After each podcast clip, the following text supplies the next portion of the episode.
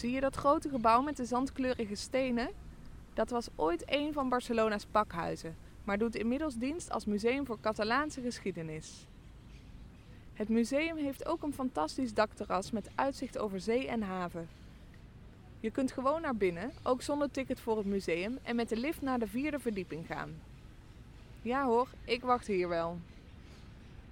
Als je niet het dak opgaat voor een cocktail of koffie, loop er dan omheen en steek de Passei de Juan de Borbó over en ga de Carré de la Maquinista in.